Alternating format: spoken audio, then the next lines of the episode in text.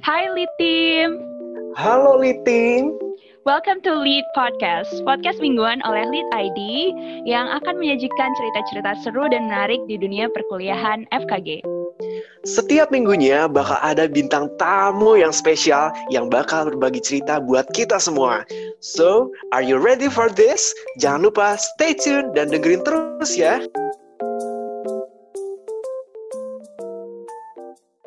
Gue gue pengen tahu nih apa yang harus gue laku gue harus gue bereskan tapi gue takut ngelihat si list itu tuh gitu Hmm. ah gimana ya gue mulai nggak bener ya akhirnya gue curhatlah ke psikolog gitu waduh Hmm. gitu itu kayak itu sangat tidak pernah terfikirkan banget sih banyak banget yang gitu. jadi kalau saat dibilang satu kata gila sih Gila kalau ya. Gimana. Mak?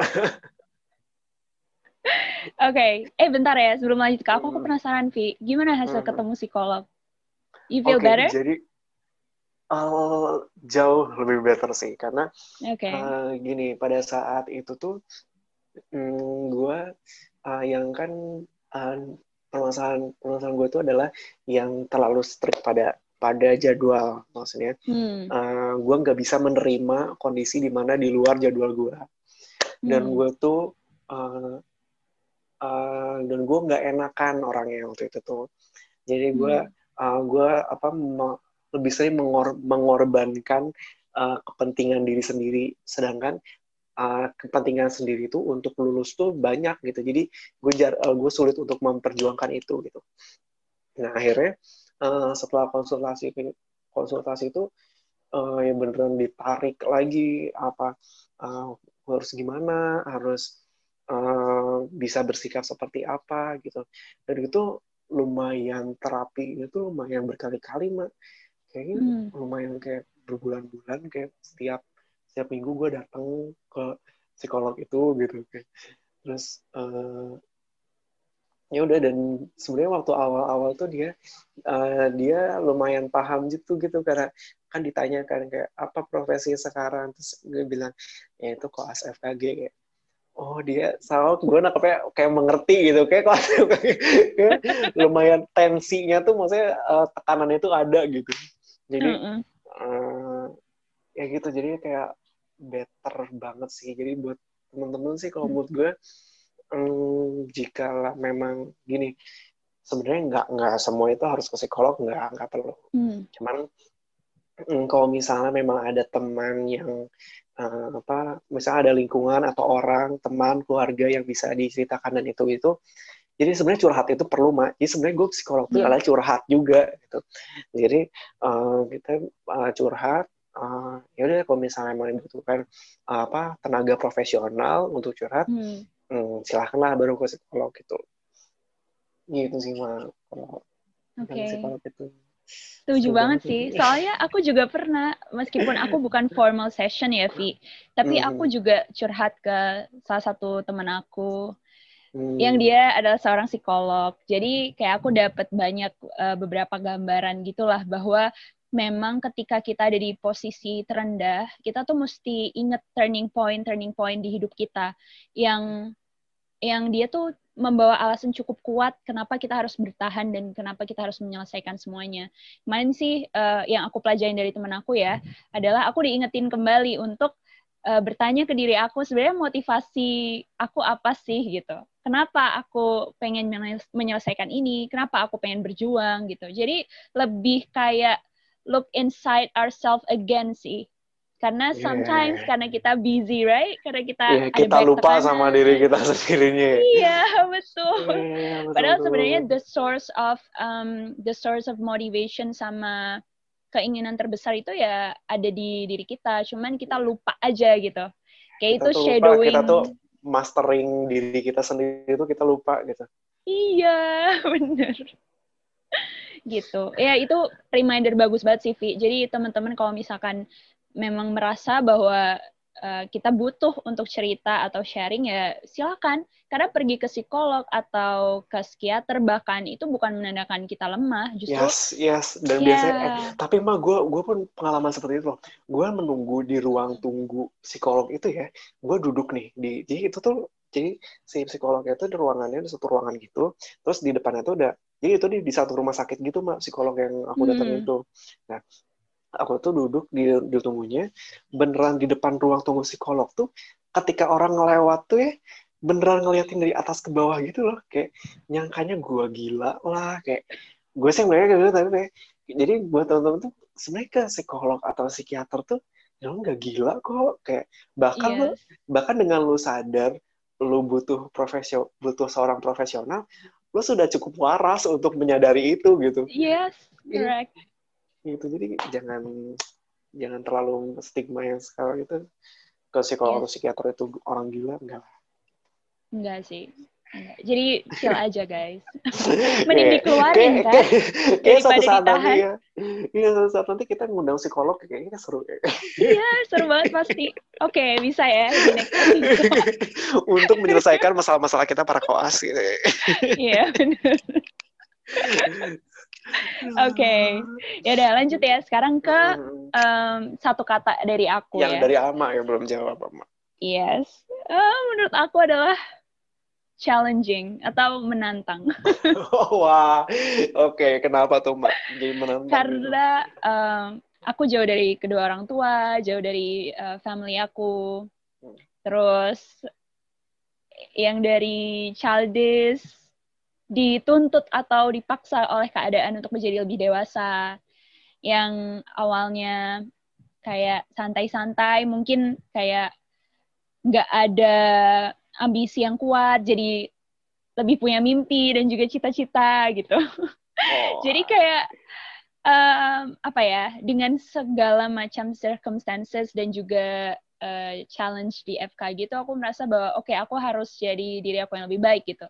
Jadi so I think menantang sih. Apalagi Walaupun, waktu koas. Hmm, tapi kalau ya. tapi tantangannya menurut Ahmad tantangannya waktu di preklinik sama di klinik beda nggak? Beda sih. Beda gimana menurut waktu aku. di preklinik gimana, waktu di klinik gimana? Kalau di preklinik itu tantangannya adalah gimana caranya kita memahami teori hmm. sebagai bekal nanti kita di klinik. Hmm. Gitu. Jadi uh, basically adalah uh, kita benar-benar memanfaatkan waktu belajar sih kalau di preklinik tuh. Sedangkan kalau di klinik itu tantangannya adalah ke diri kita, ke dosen, ke pasien, pasien si pasien ke orang tua, ya, ya, lebih ya, banyak ya. sih. Ya, gitu, Vi. Iya. Kalau misalnya aku tuh kayak, aku memandang preklinik itu adalah uh, sama ya kayak kuliah, kayak apa, kayak belajar biasa. Kayak hmm. yang benar tadi kita mengumpulkan ilmu sebanyak-banyaknya untuk mempersiapkan diri kita ketemu pasien nanti gitu. Walaupun ya tantangannya adalah uh, praktikum di lab dan berarti itu sangat oh, menantang yeah. juga ya maksudnya. Iya. Yeah. sangat sangat menantang sekali dengan uh, apa harus ngerjain apa-apanya lah dengan itu uh, bahkan dengan skripsinya kita uh, masing-masing hmm. itu itu lumayan ya tantangannya itu sih dan benar juga kalau misalnya di klinik tuh ya mungkin balik lagi kita waktu di klinik kita berada di bawah tanggung jawab dosen kita tapi kan kalau misalnya klinik kalau uh, koas FKG itu kan kita langsung yang bertemu dengan pasien gitu. Kita langsung Betul. yang ber uh, malah kita langsung melakukan perawatan dengan pasien, kita yang langsung hubungan settingan sama pasien, pasien hmm. tuh benar langsung menghubungi kita gitu. Jadi ya secara tidak langsung juga kita bertanggung jawab juga dalam tanda kutip gitu. Jadi uh, dan kan pasien tuh dengan segala macam wataknya dengan yes. ada pasien yang sangat ya sangat. Itu adalah suatu keberuntungan dan ketika kita uh, dapat pasien sangat kooperatif dengan memahami uh, koas itu seperti apa gitu ya. Yang kita nyetak uh, berkali-kali gitu itu kayak sabar. Walaupun mau muntah tapi tetap sabar gitu. Tapi ketika pasien yang uh, dia um, dia menganggapnya koas tuh uh, apa ya dia pengen punya punya mendapatkan perawatan yang sama ketika dia ke dokter gigi gitu. Hmm. Ya dia nggak salah dia ke koas dia akan mendapatkan yang sama, tapi kan kita prosesnya adalah sebenarnya kita masih belajar juga gitu. Kita masih dalam proses pasti dapat uh, kalau dapat pasien yang kayak gitu dengan dimarah-marahinnya, dengan kita dinyinyirinnya, kita diminta segala macamnya kayak Iya. Pengen ketawa aja sih kalau udah ngobrolin tentang pasien tuh macem-macem. Macem-macem. Ama pasien yang paling macem-macem apa, Pak? Sejauh ini, Pak. Mungkin ini ya, pasien anak sih ya. aduh, aduh, soal. gue pengen nangis kalau dengerin nama. iya. Kenapa emang pasien anaknya pernah dapet yang kayak gimana? Jadi dia mau aku rawat secara keseluruhan untuk pasien holistik. Udah nih, pendekatan ibunya aman, pendekatan ke pasiennya aman. Dia juga kelihatan pede, berani gitu. Tapi pas dibawa ke klinik, baru duduk dia udah gelisah, takut gitu. Pas mau dicetak, dia nangis dan muntah. ya muntah banget. Iya, terus kayak jadi gemes, kayak awalnya udah ada ekspektasi ke dia kalau oh oke okay, dia bakal koop nih. Tapi Sorry, ternyata gemes ke arah marah apa gemes dalam keadaan lucu ya Maya? gemes ke arah marah gitu bergetan gitu gue yakin ini gemes ke arah marah sih. Gregetan deh kenapa kamu gini? gitu. Hmm. terus akhirnya ya udah nggak jadi aku jadiin pasien gitu Hmm. Sama ya itu sih kayaknya ya salah aku juga gitu. Aku udah terlalu berekspektasi gitu. Padahal ya kita nggak bisa kan ngontrol pasien kan. Ya. saat kita saat kita ketemu pasien yang giginya kasus ini ada, kasus ini ada, kasus ini ada kan udah happy banget ya kan. Iya. iya. Kalau kamu gimana Vi? Ada nggak yang ngeselin gitu? Aduh, ada sih mbak waktu itu tuh pasien Aduh, gue gak enak nih ngomongnya kalau kayak ini. Tapi ada suatu pasien perawatan kasus, pasien dewasa soalnya bisa dituntut gue. Kalau misalnya bener. Iya. dia kayak, apa, uh, jadi pasien ini tuh, hmm, ya namanya lagi kan apa butuh butuh berkali-kali gitu ya berkali-kali hmm. kunjungannya yang di mana nggak bisa langsung beres kita ya tahapnya juga masih untung kalau di ACC kan ya bisa cepat kalau misalnya nggak di ACC ya ya udah mandek deh di situ kan. Mm-hmm. itu tuh beneran dari yang alasannya apa? Alasan uh, dia dapat kerjaan oke okay, dia um, oke okay, gue mau masih masih tolerir nih dia nggak bisa datang. Terus uh, alasan ibunya sakit terus alasan uh, apa segala macam sampai dia alasan dia dihipnotis tuh dia gue kayak aduh kayak data tapi dia tuh dia gue sempet sempat di tahap gue uh, uh, progres tuh tertahan selama 10 bulan.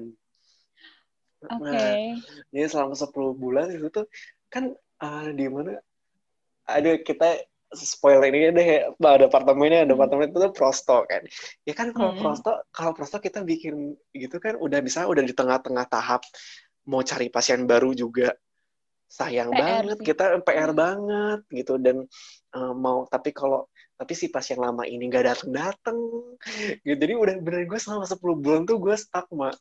Mau pasien baru tapi gimana? Mau tapi ini gimana gitu. Akhirnya dia udah akhirnya dia menghubungi lagi karena dia butuh di scaling waktu itu. Ya akhirnya kayak ya udahlah dikerjakan. Walaupun dengan kesal karena dia nggak ada kabar 10 bulan tuh. Hmm. itu sih itu paling macam-macam dan pernah pasien ketemu pasien yang di radiologi ketemu pasien yang pakai susuk kayak gitu Iya ya itu sering terjadi. Sering terjadi ya kok. Ini ada gambaran radio opat menyerupai jarum radio menyerupai jarum tapi kok tidak ada yang seperti ini apa ya gitu. Wah kacak sih banget. Iya. Itu sih. Jadi buat teman-teman yang baru masuk koas baik-baik berdoa aja semoga dapat pasien yang kooperatif. Yang kooperatif, tapi bener sih kayak banyak-banyak banyak berdoa karena keberuntungan karena beruntung itu sangat faktor yang sangat besar di koas yes, iya, betul dan soal betul dan banget gini uh, gimana ya, kalau menurut gue di di koas tuh somehow hukum karmanya tuh sangat berlaku sih mah hmm. kayak maksudnya kita kita mau berlaku kita mau karena kita uh, selalu bukan selalu kita sama akan dihadapkan suatu pilihan di mana kita bisa jahat atau kita bisa baik even hmm. kita ke teman atau ke pasien atau kita dihadapkan kita bisa licik nih sebenarnya untuk ACC lah, untuk uh, selama prosesnya kita sebenarnya gue pernah kayak dihadapkan untuk licik lah, untuk apa segala macam. Tapi ya gitu kita uh, ya segimana mungkin selama masih di on tracknya kita bisa di on track yang bener ya udahlah kayak gak usah macem-macem lah kelas mah gitu. Benar. gitu tapi ya maksudnya kita memang selalu ada gimana ya ya kita tidak memungkiri selalu ada hint-hint, ada trik-triknya hmm. agar kita Agree. bisa ya, ya sepertinya teman-teman yang mendengarkan ini dan Ama juga pasti tahu ya maksudnya ada suatu suatu suatu di kelas ini yang di mana pasti ada hint-hintnya yang kita bisa ambil tapi itu sebenarnya tidak menyalahi aturan tapi uh, ya itu bisa kita ambil gitu tapi ya gitu selama tidak selama kitanya kita pertama ya tidak dengan aturan banget dan kita um, keselamatan pasien apa segala macam ya sebisa mungkin jalannya lurus-lurus aja lah. Nggak usah iya. macam-macam yeah. kok asma setuju. Setuju banget. Aku soalnya pernah ya uh, jadi waktu itu ada hal yang aku tahu itu salah tapi tetap aku lakuin. Dan beneran dong langsung diingetin sama Allah Aduh, bisa di spill nggak mbak itu apa tuh itu? iya, jadi tuh ada pasien jaga gitu kan, Vi. Uh, beliau tuh kebetulan mau naik haji gitu. Jadi beliau tuh make sure bahwa uh, giginya tuh pengen bersih gitu kan. Nah, waktu itu keluhannya itu gigi berlubang, cuman memang ada yang harus di scaling karena kebetulan juga udah scaling kelas 2 atau 3 gitu kalau nggak salah. Jadi kayak memang udah um, oh hisnya buruk gitu. Terus akhirnya waktu itu udah siang dan karena aku tahu nih bahwa memang uh, kalau mau cepet ya ya udah aku mending refer ke spesialis kan biar lebih cepat gitu. Aku udah bilang kayak iya pak, jadi nanti yang di berlubang ke spesialis aja ya gitu. Tapi karena aku nggak tega, masa bapaknya kak masih nggak aku apa-apain sih gitu kan. Akhirnya aku scaling dong. Tanpa ada jadi kamu scaling sendiri gitu ya? iya, terus ya udah langsung ketahuan kok. Aku langsung dipanggil sama iya, dosen aku. aku. Aku sama sama kasusnya scaling juga lagi. Aku waktu itu pernah. Ah, tapi yeah. aku, aku waktu itu kasusnya pasien orto, Mbak. Jadi waktu ah, itu si pasiennya ini mau di orto. Jadi mungkin kita pasiennya diindikasiin dulu kan. Mm -mm. Jadi ini bisa kayak di ACC dulu pasiennya bisa atau enggak dosennya tuh udah ngeliat nih pasien aku kayak hmm, kalau di Unpad tuh kalau misalnya udah di udah di status udah di uh, presetnya bisa langsung dicetak gitu. Mm-hmm. Nah uh, si dokternya tuh udah udah uh, waktu itu udah melihat pasien aku waktu itu. Nah cuman pasien aku tuh ada karang giginya, ada kalkulusnya. Mm-hmm. Nah uh, dokternya nggak mau tanda tangan ACC dulu sebelum eh nggak mau tanda tangan ACC uh, kalau si pasien ini bisa dilakukan orto sebelum aku di sebelum aku scaling gitu. Hmm. Nah, aku kan pengennya cepet ya Maya, maksudnya kayak, aduh masa cuma scaling doang gitu kayak, karena ini tuh udah udah mepet juga gitu akhirnya. Uh, jadi dokternya tuh udah pergi gitu kayak oh, ya udah sih uh, udah besok ini bisa dihasilkan tapi nanti tanda tangannya saya itu ya jadi uh, setelah di scaling gitu ya udah mau nggak mau ya udah kita kan kita sebagai kelas saya bilang baik dok siap dok. Kayak kan itu udah template kelas ya kan betul ya. Baik, baik dok, dok siap dok. Maaf dok. Maaf dok. Maaf sebelumnya dok. Otak kelas tuh sih begitu gitu. Nah, udah kayak baik akhirnya ya udah gue okein tapi dokternya pergi tapi gue langsung nge-scaling tuh. Kayak wah dan bodohnya gue tuh gue langsung langsung ngejar dosennya setelah setelah, setelah gue scaling gue langsung ngejar dosennya lagi kayak, terus kayak dok udah saya scaling gitu. Bodohnya tuh gue ngomong kayak gitu gitu saking pengen cepetnya gitu terus dokternya cuma bilang hah? Udah scaling? Udah kontrol di ACC-nya sama siapa tadi? Oh iya harus ACC scaling dulu. oh iya harus ACC scaling dulu. Oh iya, dia dokternya untuk cuma kayak kok as kok as kayak gitu. Masih baik, aku dimarahin. oh iya dimarahin sama. Iya. Jadi uh, oh iya, jadi waktu itu concernnya adalah ini juga pengingat sih buat teman-teman. Jadi meskipun scaling aja itu penting loh buat tahu tanda vital pasiennya kan. Ya. Gimana tekanan darahnya, penyakit sistemiknya gitu-gitu. Nah, mungkin waktu itu aku salahnya adalah beliau udah tua dan aku waktu itu cuma tensi aja. Aku nggak cek apakah dia konsumsi obat-obatan atau apa. Untungnya ya Allah, dia nggak dia nggak singkop sih, dia nggak aneh-aneh. Cuman ya itu jadi pelajaran besar buat aku. gitu. Gila ya.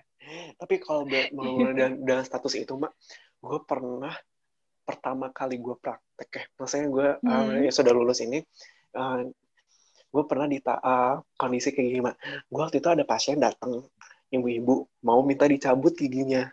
Hmm. Itu goyang udah grade dua udah dua menuju tiga deh yang gimana kayak ya ini mah tinggal tang cabut aja gitu kayak kayak udah bisa itu bisa pulang gue tuh beneran uh, ya itu setelah lulus tuh ya beneran gak kepikiran gitu ya, ya beneran udah udah nanya-nanya udah udah apa udah uh, tanda vital apa segala macam udah aman nih. Gue udah ngambil alat-alatnya mak. Udah ngambil tangnya B-nya semua udah segala macam udah gue taruh di dental chair gitu. Nah terus uh, pada saat uh, gue udah nyiapin gue udah masukin anestesinya ke spuit udah segala macam udah tinggal hmm. siap lah tinggal siap kerjain. Pada saat gue naro kayak gini ya terus gue baru kepikiran oh iya waktu di EXO gue harus menanyakan uh, penyakit sistemik pasien. Gue bilang gitu. Iya. Gue baru kelupaan banget. Tapi pada saat gue baru ingetnya pada saat naruh uh, alat itu kayak oh iya gue harus menanyakan sistemik pasien gitu. terus gue nanya lah ibu uh, lagi rutin minum obat nggak? Atau segala macam nggak oh iya saya ada diabetes dok. Wah gue langsung waduh. Ya Allah. Masih sayang sama gue gitu. Alhamdulillah. Gila. Gigi goyang saat diabetes. Kan itu wajar mak. Maksudnya pas iya, pada saat gula saat gula yang nggak normal itu sangat wajar. Kalau gue ini dan nanti lukanya malah nggak sembuh gimana? Gitu. Iya. gitu aduh gue deg-degan banget sumpah. Itu pertama kali yang praktek gitu. Deg-degan banget akhirnya nggak jadi dicabut ya? Akhirnya enggak lah kayak ibu ibu udah nggak jadi ibu yang saya Iya itu deg-degan banget gue mah. Pengen nangis. Wajar sih. Apalagi kan, apalagi nggak ada dosen ya yang biasanya ada dosen kalau pada saat ngebantuin itu nggak ada. Dan pada saat kalau pada itu kan udah ada template-nya gitu loh. Kalau biasanya udah ada, hmm. dan udah biasa harus nanyanya ini, ini, ini, ini. Dan setelah itu tuh udah lulus kayak, ah udah lupa gitu ya. Yang udah ini mau dicabut tekanan darah oke okay, gitu. Pada awal kan masih hype gitu kayak hype hype bebas dari dosen gitu loh mak. Iya. Oke, okay. ya itulah ya. Berarti emang ini sih harus diingat-ingat ya, jangan dilupain guys kalau udah lulus. Ya, pengalaman di, di apa ya di koas yeah. itu sangat aplikatif sekali sih harus diterapkan. Yes. Oke, okay. sekarang lanjut ya Vi. Masih ada okay. nih beberapa pertanyaan. kita kan udah bahas uh, impression kita, terus juga satu kata hmm. yang menggambarkan FKG. Sekarang lanjut ke suka duka. Tadi kayaknya udah ada hin-hin oh, dukanya banyak ya. banyak dukanya sih. Terus kalau sukanya, sukanya kira-kira apa aja? Sukanya sih, uh, aduh tapi teman-teman tuh sangat, kayak, kayak menurut gue, uh, teman di sekeliling kita tuh sangat berpengaruh terhadap sukanya kita sih salah hmm. satunya yang lumayan sangat berperan ya kayak maksudnya di saat kita apa lagi uh, susah kayak gini tapi ada teman-teman yang mau dengerin kita terus ada yang mau dengerin uh, apa ada yang mau apa ngebantuin kerjaan ada yang ada temen yang beneran rela dia ninggalin apa demi buat ngebantuin kita kayak apa sih hmm. macam itu sih sangat uh, happy-nya dan hmm, sukanya tuh apalagi uh, dari pasien juga mah misalnya ya kita alhamdulillah dapat pasien yang kooperatif dan ngelihat pasien seneng giginya udah bagus kayak aduh makasih ya kayak gini-gini walaupun itu itu se uh, ya kita capek itu tapi itu sangat terbayarkan sih dengan walaupun cuma bilang makasih kita kita bahkan nggak dibayarkan mama saya kok asli iya. kita nggak dibayar sama sekali. Bahkan bahkan kita yang membayar gitu. Iya. Iya kita yang membayar tapi cuma dibilang ya makasih ya gitu. Pas itu senyum gitu ah baper gitu. Terus ya langsung uh, itu sih sukanya sih. Dan dukanya sih ya yang tadi udah dijelasin lah kayak uh, dukanya setiap setiap minta uang ke orang tua yang selalu itu itu sangat salah satu dukanya. kan kebetulan alat kita kan jarum sepentil gini aja kan harganya ratus berapa ratus ribu. Yang di mana jarum bengkok kita harus beli yang baru gitu. Iya benar. Bur yang gampang copot lalu hilang entah ke mana gitu kan. Dan, dan sekali beli baru itu berapa puluh ribu berapa ratus ribu itu kan nggak nggak murah ya.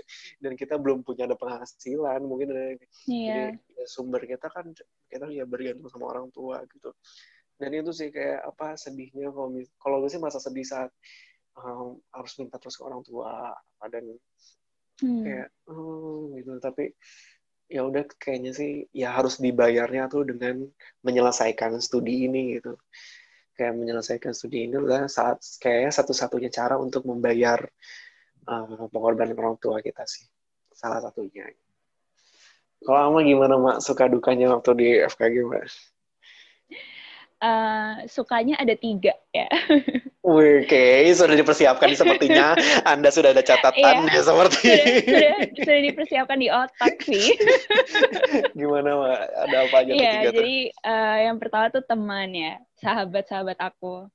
Meskipun ya mereka lulus duluan atau meskipun ya uh, ya aku kan biasa-biasa aja ya.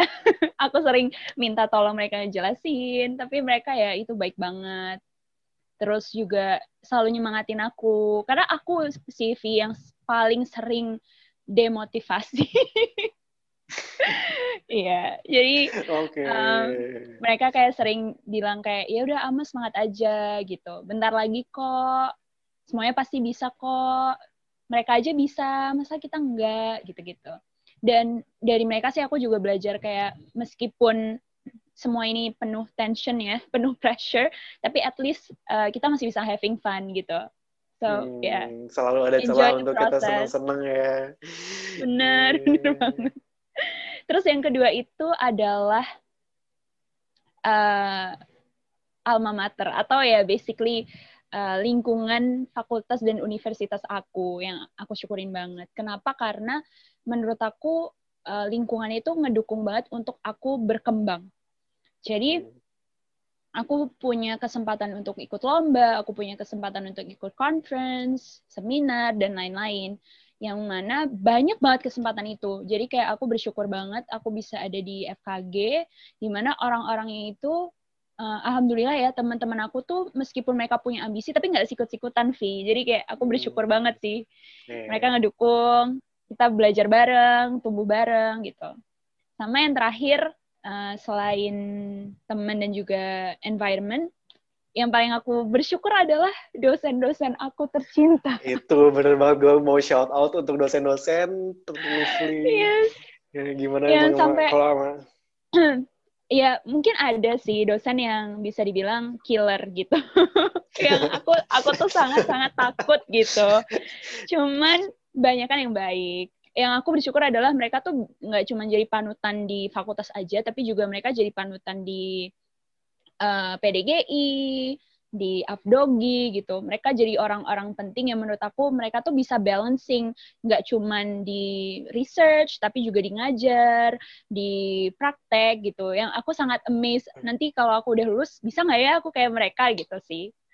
Ya aku bersyukur banget, baik-baik yeah. sih, ya Allah. Iya, dosen-dosen tuh bahkan maksudnya ya uh, yang dosen-dosen ada yang beneran sampai sekarang tuh kerasa banget sih mak maksudnya ada waktu hmm. dari waktu selama kuliah kita beneran nanya-nanya dok kalau misalnya ada pasien gini gimana ya terus hmm. dia beneran nanya uh, ngejelasinnya tuh dengan caranya enak dan beneran pinter banget dengan kesibukan dia yang begitu banyak tapi dia masih sebaik itu mau spare waktu mereka buat kita yang koas remehan ini.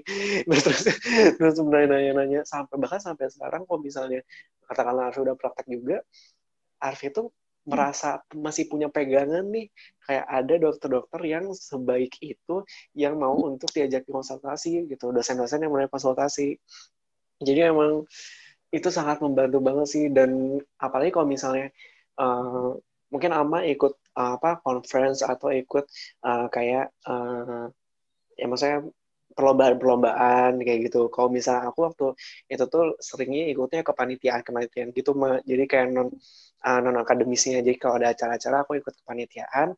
Nah itu bareng sama dosen-dosennya juga kayak Hmm. Dan itu beneran melihat sisi lain dosen kita tuh kan kita kita selalu melihatnya tuh ya secara klinisnya maksudnya dengan pengetahuan klinisnya mereka dia sangat dosen tapi uh, ketika kepanitiaan tuh melihat sisi lain dari dosen kita yang ternyata asik banget yang ternyata enggak sekiller itu dan ternyata dosen kita adalah manusia juga ya, yeah. itu sih sangat itu sangat menyokong banget sih kayak ah ini beneran sangat mensupport gue selama gue di FKG sih itu kayak terima kasih untuk pada dosen-dosen kita.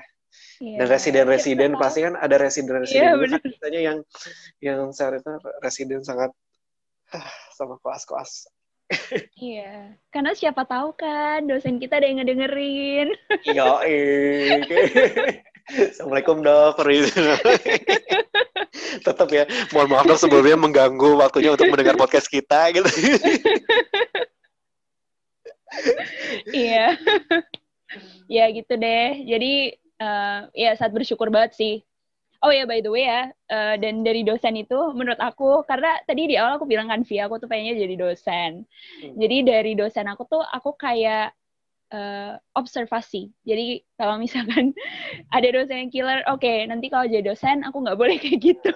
Uh, iya, iya, iya, Terus kayak oke okay, ini ada ada dosen baik banget, oke okay, aku nanti harus kayak beliau gitu. Jadi kayak ya inspirasi jadi referensi, lah. Referensinya saat nanti jadi dosen ya. Tapi mak dari, dari dari banyaknya tadi kita curhatan-curhatan itu mak yang paling berkesan gitu di ama apa Um, yang paling berkesan paling... adalah ketika aku uh, memenangkan rasa takutku sendiri. Asik. Hmm. jadi jadi Vi aku tuh uh, beda. Jadi aku tuh nggak seconfident sekarang. Dulu tuh aku okay. yang insecure, terus nggak pede. Karena aku pernah kan mendapat uh, ya bisa dibilang uh, sindiran ya mungkin ya kayak ah ngapain sih orang kamu dari ini juga anak rantau juga gitu. Ngapain sih punya cita-cita tuh yang bisa dibilang muluk-muluk gitu atau ketinggian gitu. Jadi waktu itu uh, di tingkat tiga aku tuh pengen banget jadi mapres Vi. Jadi waktu okay. itu kayak banyak banyak yang bisa dibilang mungkin nggak suportif gitu. Tapi alhamdulillah karena teman-teman dekat juga ngedukung terus karena aku kayak ingin ya mencoba untuk uh, mengalahkan rasa takutku dan juga rasa insecureku sendiri. Akhirnya aku beneran maju. Sobat-sobat insecure di sana semua. Sobat yeah. overthinking. Iya yeah, iya iya. Aduh itu aku banget dulu ya. Sobat overthinking anxiety squad nah jadi tapi berhasil oh, ya Maya Alhamdulillah. Jadi kalau teman-teman insecure, terus habis itu anxiety tentang apa pun itu, it's okay. Pelan-pelan, ya. tunjukin ke semua orang yang rendahin kita. tunjukin ke semua orang yang uh, meragukan kita bahwa uh, kita bisa kok. Hmm. Gitu. Dan it's okay not to be okay itu bener banget ya Maya. Maksudnya yes kita overthinking ya, kita anxiety-nya itu tuh sebenarnya oke okay, gitu. Kita nggak okay. salah wajar bahkan gitu. Cuman yang salah tuh ketika kita udah seperti itu dan kita diem aja atau bahkan kita nyerah gitu. Itu yang salah kalau menurut gue aja kayak. Jadi ketika kita udah tahu gitu, how to manage gitu. Jadi gimana kita untuk memanage rasa itunya sih itu yang jadi ya sebenarnya ya wajar lah anxiety dan overthinking dan insecure gitu gitu kayak wajar sangat wajar sangat wajar. pasti punya fasenya nih gimana kita untuk menyikapi itu ya yes betul Vi itu tadi Vi yang paling berkesan kalau Arfi apa? Kalau gue berkesannya gimana ya? Sebenarnya ini berkesan uh, suatu pengalaman sih, Mak. Jadi kayak, hmm. uh, ya sebenarnya ya, ya sama seperti aman juga kayak banyak banget transformasi transformasi dari pola pikirnya, dari apa segala macamnya. Cuman ini kalau kalau kita ditanya kejadian ya kayak hmm. gue pernah kejadian tuh suatu di preklinik sih mak kayak hmm. uh, kita tuh waktu itu aku lagi duduk di depan kayak kita tuh lagi nunggu praktikum mikrobiologi mah jadi hmm. uh, praktikum itu tuh ngeliatin preparat kayak gitu gitu kan kayak yeah. ngeliat uh, tuh terus uh, pakai apa nama alat, alat alat itu apa sih pembesar tuh mikroskop mikroskop bahkan gue gue tadi mau stetoskop bukan stetoskop periskop bukan periskop juga. Apa ya mikroskop mikroskop mau pelajar mau praktikum itu kan mikrobiologi nah waktu itu tuh lagi zaman zamannya AADC mak ada apa okay. dengan cinta gitu. Terus waktu lagi nunggu lu ini gak sih ada apa ada lagi nunggu tuh? Terus gue tuh inget gitu ada satu uh, dialognya si cinta tuh ngomong bakar saja ininya biar ramai gitu. Iya yeah. terus gue entah mengapa gue tuh nyeletuk gitu kayak bakar saja preparatnya biar ramai itu gue waktu, waktu waktu lagi nunggu di waktu itu dan ternyata ada dosen mikrobiologi di belakang dan itu tuh beneran ngedenger gitu. Dia dan teman okay. apa yang di depan tuh dia cuma ketawa-ketawa doang dan dokter itu cuma gitu. Dan udah tuh masuknya dia tuh untuk dokter itu baik banget dia cuma megang kepala aku gini doang kayak gini gitu. Eh dok. Misalnya gue ngomong bakar saja preparatnya biar lama ya. terus pas udah dan pada saat uh, praktikum ya tahu taunya ada yang beneran kebakar mak. Saya beneran itu jadi kan sempet kan pakai api kan ada proses harus pakai api apa segala macam hmm. gitu terus ada loopnya segala macam dan tiba-tiba beneran ada yang kebakar pada saat itu tuh kayak Wah, gue sompral banget. Ucapan adalah doa, arti. itu sompral banget. Itu banget dan harus gak boleh sompral di FK gitu. itu sih, gue, itu berkesan banget. Dan hmm. waktu kalau waktu di klinik, Mak, waktu hmm. di klinik tuh gue inget banget gue waktu gini gue waktu di preklinik tuh uh, suka kayak main sulap gitu mah Oke, okay, gimana tuh? Nah, nah, udah gue tuh kayak sering tampil main sulap gitu ceritanya setiap ada okay. acara tuh.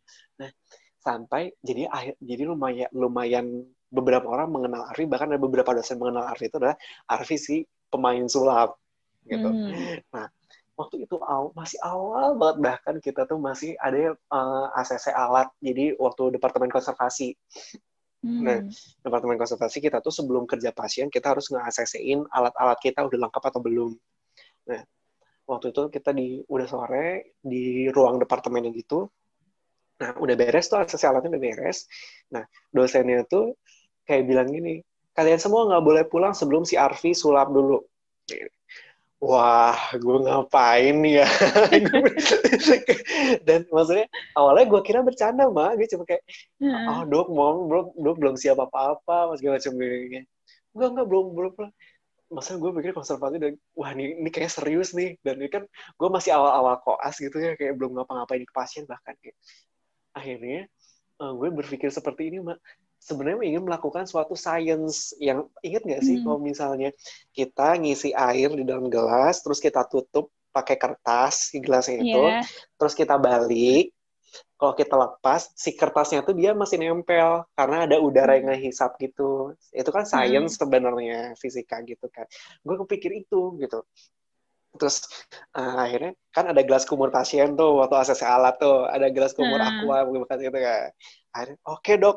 Aku akhirnya gue masukin air ke gelas ke gelas kumur itu aku tutup kertas aku balikin. Nggak tumpah tuh. Gue mikirnya untuk meningkatkan adrenalin gue gue pindahin lah si, si gelas ini ke depan dosen jadi misalnya ini dosen ini gue tuh dosen nih mbak.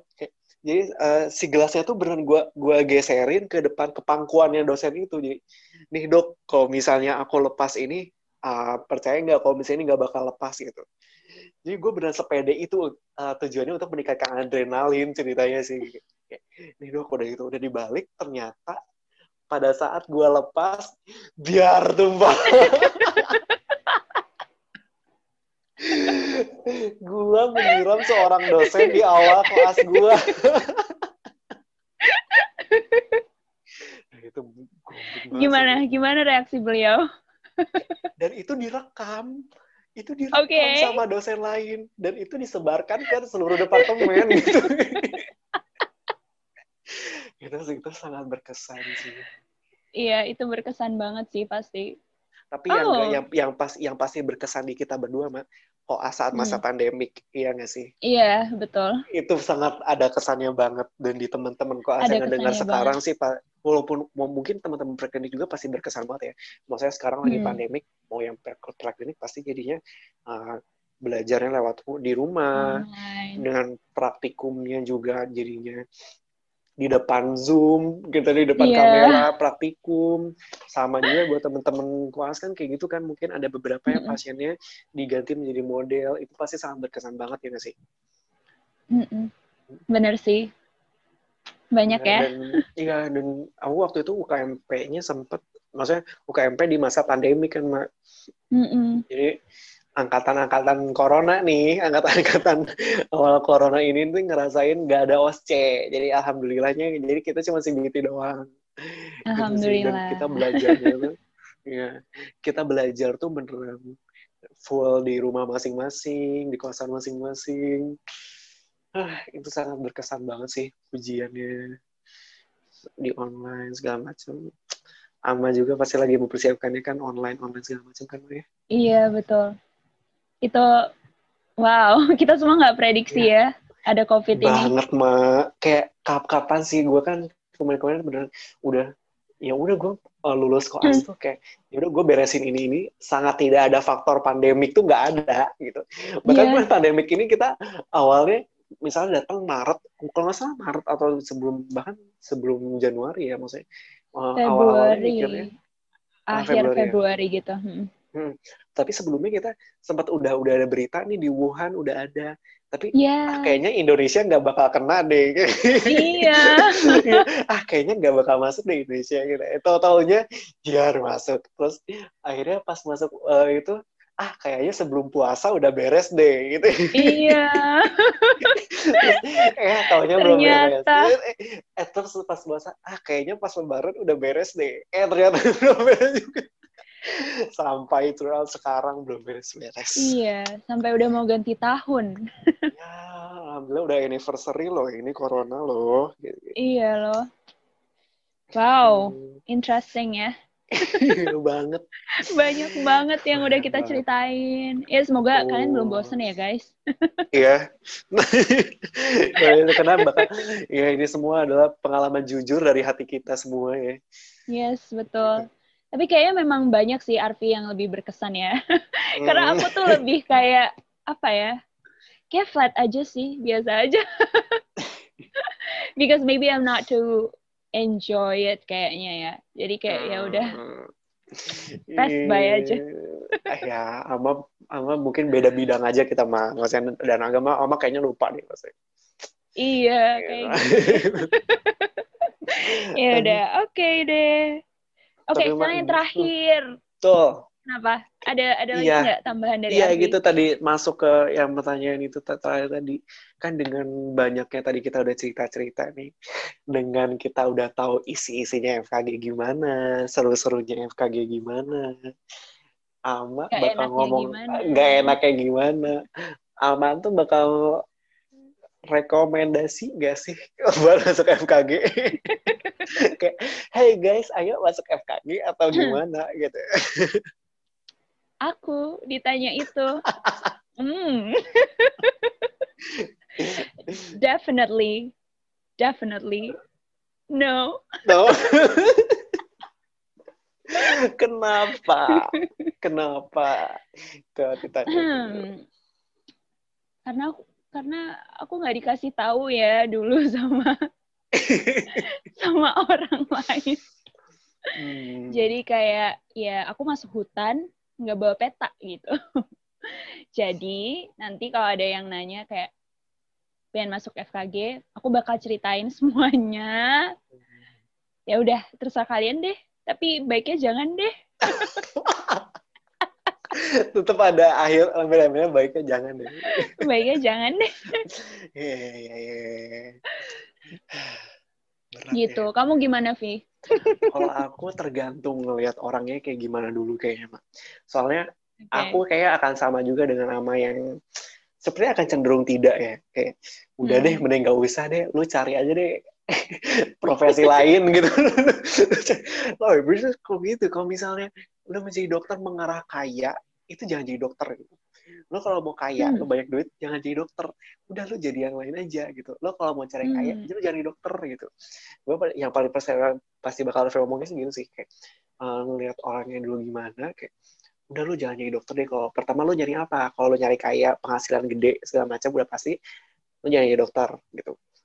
Karena dokter ya mungkin ah tapi enggak dokter kan eh, duitnya banyak apa segala macam gitu Hmm, kita gue nggak bisa ngomong tidak juga tapi gue bisa nggak bisa ngomong iya kita gede tapi maksudnya gini kita untuk mencapai ke suatu itu kita prosesnya lumayan lama apalagi Iya. kita harus spesialisnya kita harus uh, dan pengorbanan kita pun modalnya kita pun nggak Hmm. uh, pengorbanannya itu jadi uh, itu lebih ke ya kalau misalnya di itu ya mungkin mungkin tetap ada plus minusnya ya setiap di, di setiap profesi. Tapi kalau misalnya ditanya ke gue dengan gue profesi sebagai dokter gigi hmm, kalau mau kaya mending gak usah jadi dokter gitu.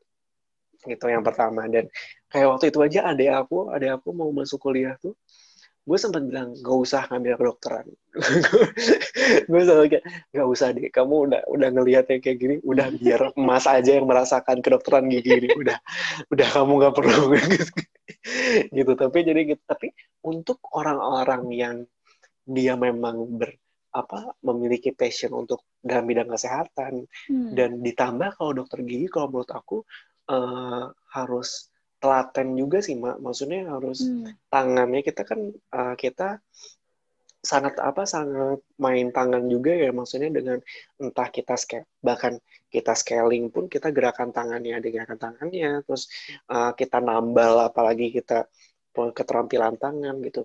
Yang telaten segala macam sih hmm, mungkin aku hanya akan bilang iya eh, itu akan ber akan bermanfaat bakat kamu tuh tapi ya dengan gini silahkan lah monggo itu pilihan kamu dengan Iya. udah menceritakan jelek-jeleknya FKG Ya, Bener. tapi soalnya soalnya bener juga mah aku tuh waktu masuk FKG juga nggak diceritain jeleknya Mm-mm. gitu jadi eh, dan sebenarnya eh, setelah aku pikir-pikir yang salah juga seperti itu Mak. maksudnya eh, kita selama eh nggak sih waktu di SMA tuh kita selalu diomongin itu kuliahnya tuh ya kebanyakan prospeknya karena setelah kerja kan jadi seperti ini ini ini ini, ini Yes. dokter yang Bener. enak-enaknya gitu tapi untuk referensi yang gak enak gak enaknya tuh kita agak kurang referensinya gitu jadi kita belum siap gitu tapi kan ya gitu memang memang semua semua bidang pasti ada yang gak enaknya tapi ketika kita sudah siap ibaratnya kita udah inform consent nih dan kita setuju dengan kita Hmm. resikonya kan kayaknya lebih enak ya. Iya, lebih ready. ah, lebih ready gitu Oke, seru banget ya, nggak berasa loh. Kayaknya kita udah Banget. sejam lebih, Devi. kita kayak sejam lebih, mah. Ini Ya kita sejam lebih. Iya, Ya, nggak awalnya apa-apa ya. Ya, Siapa tahu bisa nemenin perjalanan jauh kan? ya di Jalan jauh ke mana? mobil kayak gitu. Iya, Kalau nggak lagi pengantar tidur. iya betul. Oke, Kayaknya nggak lebay juga. Ya, kayaknya kita bakal alhamdulillah. Mm, dan masih banyak topik-topik lain yang buat kita omongin sih Mak pasti. Yes, Tapi- pasti guys. Nanti di next podcast sih ya harus pasti Yes. diomongin. Oke. Makanya jangan jangan cuma dengerin episode ini aja ya. Nanti dengerin episode-episode yang lain juga. ya bakal selalu seru dan pasti bakal um, kita selalu bikin manfaat yang baru yang tanpa terfikirkan oleh uh, teman-teman semua gitu. Kita selalu mencari celah untuk di situ karena kita pengen banget buat ngebikin uh, studi teman-teman di kedokteran gigi ini walaupun kita tahu ini fucked up banget, kita tahu is messed up banget, tapi kita uh, pengen ngebantu teman-teman buat senang untuk membuat konten dalam proses ini. Yes, Gitu. betul banget. Iya. Jadi semoga ini ya, semoga bermanfaat ya buat teman-teman semuanya. Ya. Thank you banget Arfi. Thank you Ama, akhirnya Seru kita bisa curhat-curhat lewat Iya. podcast ini. Udah lama banget sih kita pengen Ya, cerita-cerita gini ya. Betul, betul, betul. Dan sekali ini direkam ya, Ma ya. Sekali ini udah langsung Iya. dipublish. Oke, ya udah. Thank you ya guys. Sorry kalau ada kata-kata yang kurang semua. berkenan. Yap, sorry teman-teman. Namanya juga dari hati kita masing-masing kayak gitu. Yes, betul. Oke, thank you so much. Thank you Lit Team udah dengerin sampai habis. Gimana? Seru kan? Semoga ada insights buat kita semua ya. See you on the next podcast. See ya!